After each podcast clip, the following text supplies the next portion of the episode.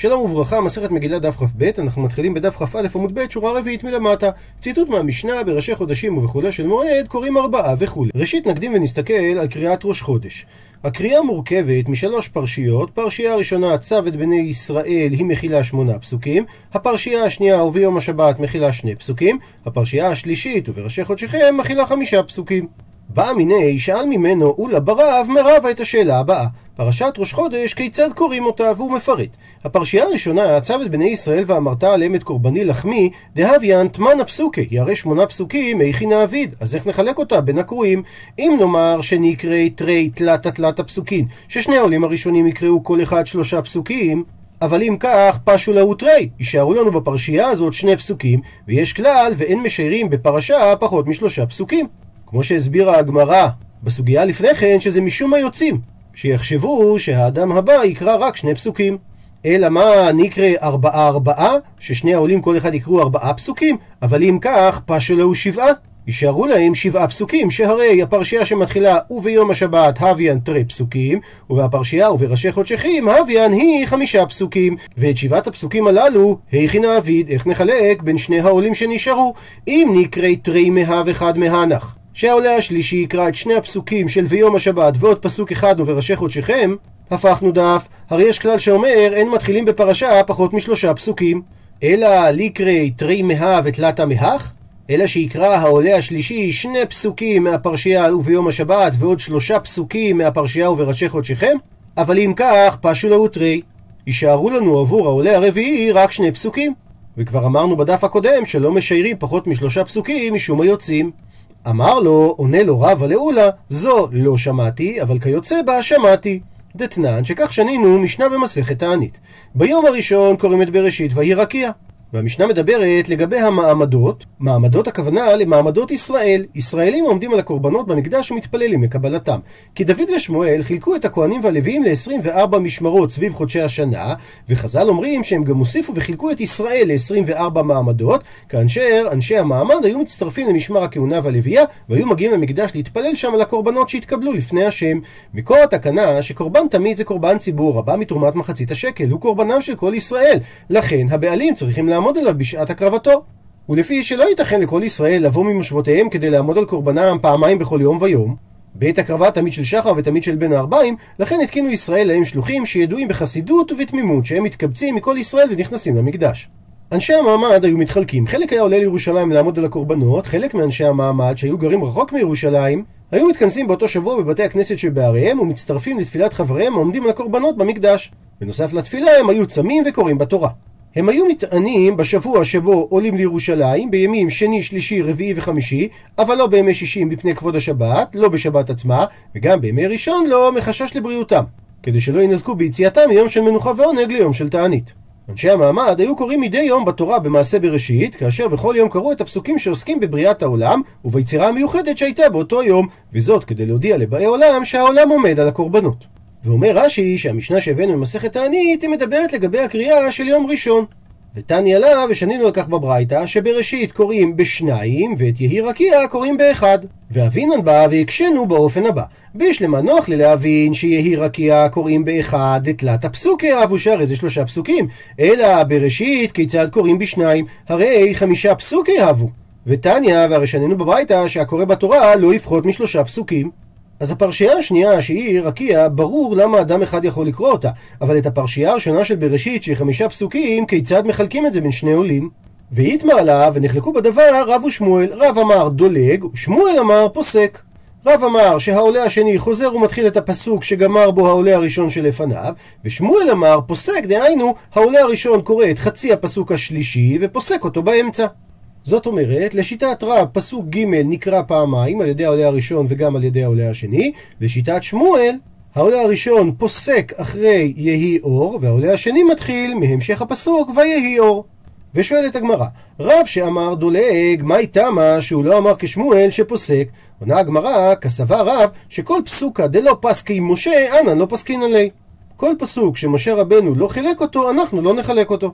ומצד שני, ושמואל שאמר, פסקין עלי שכן חולקים את הפסוק, איך הוא עשה את זה? והאמר רבי חנניה קרא, רבי חנניה הבעל קורא המפורסם, צער גדול היה לי אצל רבי חנינא הגדול, ולא התיר לי לפסוק אלא לתינוקות של בית רבן, והסיבה הואילו להתלמד עשויים. זאת אומרת שאסור לפסוק פסוקים באמצע, אז כיצד שמואל התיר את זה? היא עונה לך הגמרא, הטמטם המאי. מה הטעם? שרבי חנינא הגדול הטיל לרבי חנניה קרא לפסוק את הפסוקים משום דלא אפשר, שאין אפשרות ללמד את הילדים ללא הפסקה של הפסוקים. החנמי גם כאן, בקריאה של המעמדות לא אפשר, אין אפשרות אחרת. וממשיכה הגמרא ושואלת, ושמואל שאמר פוסק, מה איתה מה שהוא לא אמר כרב שאמר דולג? עונה הגמרא שהסיבה היא גזירה משום הנכנסים ומשום היוצאים. הוא מסביר רש"י, גזירה משום הנכנסים שישמעו את העולה השני מתחיל מהפסוק השלישי בפרשייה, אז הם יאמרו לעצמם שלא קרא הראשון אלא שניים, ואותו עיקרון לגבי היוצאים. הם ישמעו את הראשון קורא שלושה פסוקים ראשונים ויצאו מבית הכנסת, ואז הם יאמרו לעצמם שהעולה השני לא יקרא אלא שניים מהפרשייה הזו. מקשה הגמרא מי טבעי קושייה ממקור תנאי על דברי רב ושמואל, שאומרת הברייתא, פרשה של שישה פסוקים קוראים אותה בשניים, דהיינו בשני עולים, ושל חמישה פסוקים קוראים אותה ביחיד. מה קורה כשפרשה של חמישה פסוקים קרא ראשון שלושה פסוקים, אז השני קורא שניים מפרשה זו, ואחד מפרשה אחרת, כי המינימום לקריאה זה שלושה פסוקים בסך הכל. ויש אומרים שהוא לא קורא אחד מהפרשה האחרת, אלא שלושה מהפרשה האחרת, והסיבה לפי שאין מתחילים בפרשה פחות משלושה פסוקים. עד לכאן לשון הברייתא, ושואלת הגמרא, ואם איתה, ואם יש לפי ההסבר שאמרנו, אז למאן דאמרנו לג שזה רב נדלוג? למה לא העלתה הברייתא את הפתרון שנחזור על הפסוק השלישי? ולמאן דאמר שזה שמואל פוסק, למה לא העלתה הברייתא את הפתרון של נפסוק את הפסוק השלישי באמצע? ומזה שהברייתא לא העלתה את הפתרונות הללו, כנראה שהם לא נכונים. מתרצת הגמרא, שאני הטעם דאפשר באחי. שונה הדין בברייתא, כי אפשר לקרוא מפרשייה אחרת. וזה הפתרון העדיף, מה שאין כן במקרה שעליו נחלקו רב ושמואל, לא ניתן לקרוא מפרשה אחרת, ולכן הפתרונות הם או דולג או פוסק. וממשיכה הגמרא, אמר רבי תנחום, אמר רבי יהושע בן לוי, הלכה כי יש אומרים. דהיינו, כמו הדעה של יש אומרים, שהעולה השני צריך לקרוא שלושה פסוקים בפרשייה השנייה. ומימרה נוספת, ואמר רבי תנחום אמר רבי יהושע בן לוי, כשם שאין מתחילים בפרשה פחות משלושה פסוקים, כך אין משיירים בפרשה פחות משלושה פסוקים. הוא מסביר רש"י שהסיבה שלא מתחילים בפרשה פחות משלושה פסוקים זה גזירה משום הנכנסים שיהיו סבורים לא קרא זה אלא שני פסוקים של התחלת פרשה זו, שהרי לא היו בבית הכנסת, הם לא שמעו שהוא קרא מהפרשה העליונה, אז על אותו רעיון גם אין משיירים. פחות משלושה פסוקים, גזירה משום היוצאים שהם יהיו סבורים שהקורא אחריו של זה לא יקרא אלא שני פסוקים הנותרים. ומקשה על כך הגמרא, פשיטא, מה החידוש בדבר? השתא, הרי עכשיו ומה דקמקל תנא קמא? מחמירי יש אומרים הרי לעניין התחלה בפרשייה החדשה שתנא קמא אמר שהעולה השני קורא אחד מהפרשה האחרת אמר היש אומרים שצריך לקרוא שלושה פסוקים מהפרשה האחרת אז לגבי שיעור בפרשה קיימת דמחמיר תנא קמא לא כל שכן דמחמירי היש אומרים שהרי תנא קמא אמר בברייתא שכשיש חמישה פסוקים קוראים אותם ביחיד והוא לא אמר שיקרא ראשון שלושה פסוקים ויפסיק אם הוא ירצה. אז ודאי שיש אומרים גם יחמיר לפחות כמוהו. והרי רבי יהושע בן לוי אמר שהלכה כיש אומרים. אז מה החידוש בדעתם שהוא אמר שכשם שאין מתחילים בפרשה פחות משלושה פסוקים, כך אין משיירים בפרשה פחות משלושה פסוקים?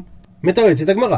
מה עוד תימה? מה היית יכול לומר? אולי יש אומרים אומרים שנכנסים שכיחי. שמצוי שאנשים מאחרים לתפילה, ולכן הם החמירו יותר מתנא קמא לגבי התחלת הקריאה. אבל אולי הם סוברים שיוצאים לא שכיחי, שלא מצוי שאנשים יוצאים יותר מוקדם. למה? דמנחי ספר תורה ונפקי? האם הם ישאירו את ספר התורה פתוח ויצאו? ולכן אולי הם יחלקו על תנא קמא. כמה השמלן, בא רבי יהושע בן לוי ואומר לנו שהלכה כי יש שומרים, וכשם שאין מתחילים בפרשה פחות משלושה פסוקים, גם אין משיירים בפרשה פחות משלושה פסוקים.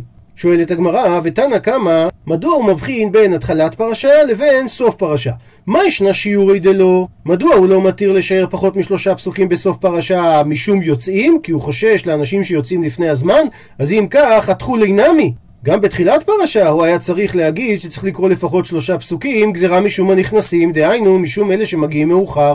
מתרצת הגמרא, אמרי, שמאן דאייל שיעול שייל. שמי שנכנס מאוחר, כשהוא ישמע שקורא השני שלושה מקראות, ואז הוא יראה שהראשון לא קרא מפרשה זו, אלא רק שני פסוקים, הוא ישאל את החבר'ה בסביבה שלו איך קרא ראשון שני פסוקים ולא יותר, והם יאמרו לו שהוא קרא מהפרשה העליונה. הוא מסיים את הגמרא, שלח לרבא ברי דרבא לרב יוסף, הלכת מאי, מה ההלכה עם הנושא שהתחלנו לגבי המעמדות? האם הלכה כרב שאמר דולג או כשמואל שאמר פוסק? שלח לרב יוסף את התשובה הבאה, הלכתה דולג, ואמצעי, דהיינו הקורא האמצעי, הוא הדולגן. ציטוט מהמשנה הזה הכלל, כל שיש בו מוסף והוא לא יום טוב, אז קוראים בו ארבעה אנשים בתורה. שואלת הגמרא, היא בעיה להוא, נשאלה להם השאלה, תענית ציבור בכמה? כמה עולים לתורה בתענית ציבור? בעצם השאלה היא, מה משמעות המילה מוסף שאמרה המשנה? ואם אנחנו אומרים שראש חודש ומועד דאיקה קורבן מוסף, אז רק בהם יש ארבעה קוראים בתורה. אבל האחה, אבל כאן בתענית ציבור דלקה קורבן מוסף, לא. אלא רק שלושה עולים לתורה, או דילמה, או אולי הכנמי, כאן גם בתענית ציבור, איכה מוסף תפילה. שהרי יש הוספה של תפילת עננו, שהיא ברכה יתרה בתפילת שמונה עשרה. מביאה הגמרא תשמע בו שמע הוכחה.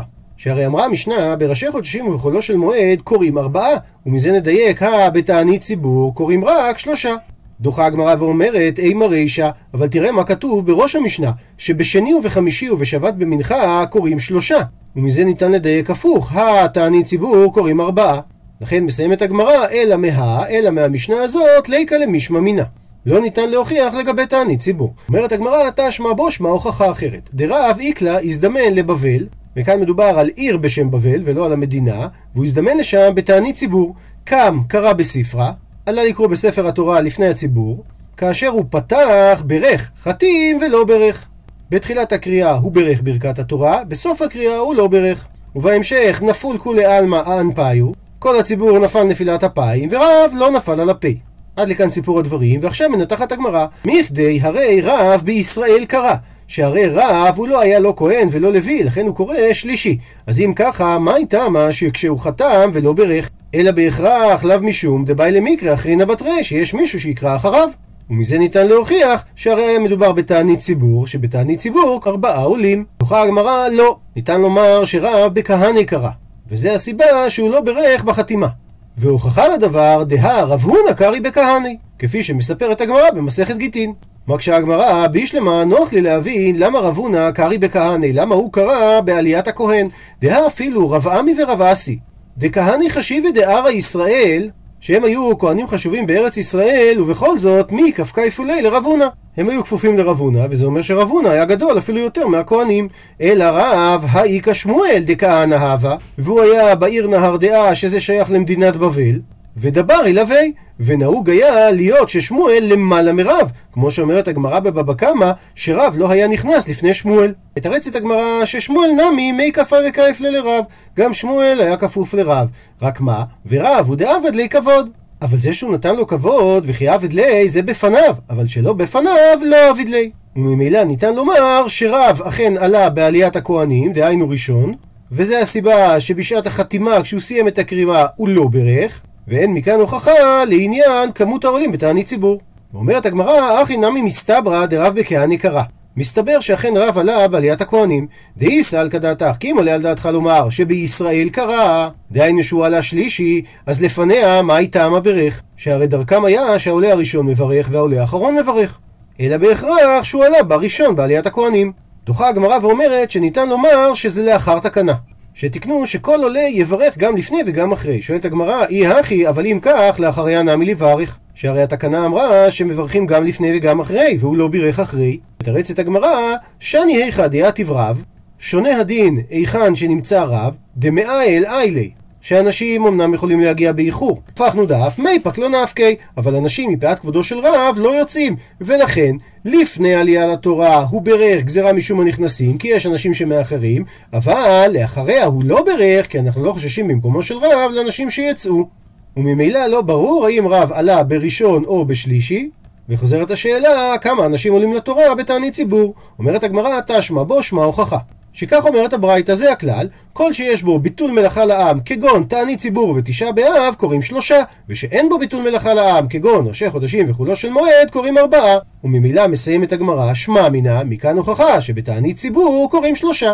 מקשה על כך אמר רב אשי, והענן לא תננחי. והרי אנחנו לא שנינו כך במשנה שלנו, שהרי אמרה המשנה, זה הכלל, כל יום שיש בו מוסף ואינו יום טוב, קוראים ארבעה. והרי המשנה כבר שנתה את הימים שבהם קוראים ארבעה. אז אם כך, הכלל הזה, להטויי מאי, מה הוא בא לרבות? לאו להטויי, אם הוא לא בא לרבות את תענית ציבור ותשעה באב?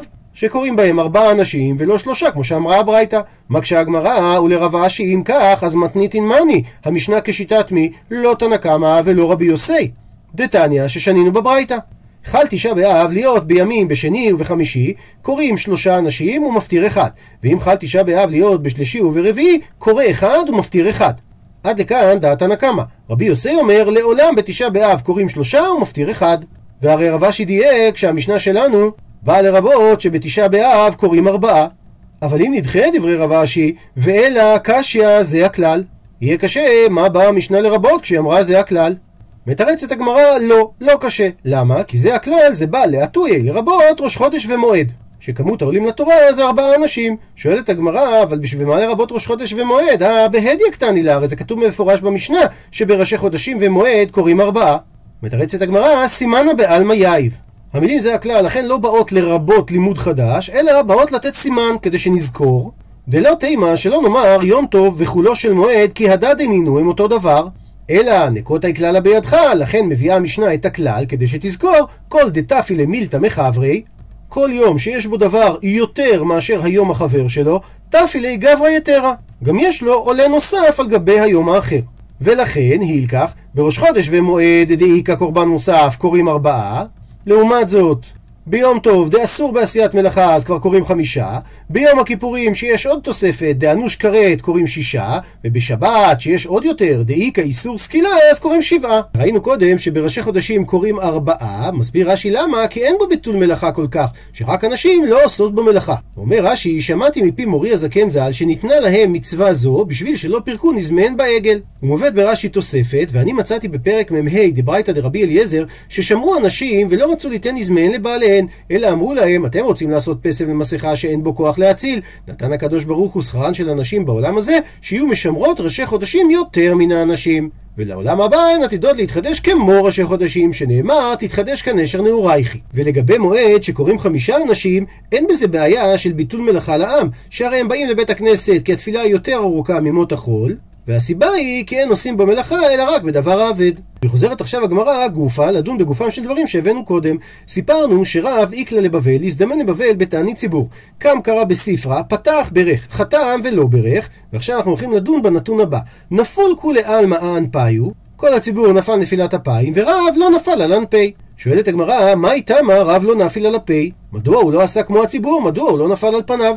מתרצת הגמרא, רצפה של אבנים הייתה.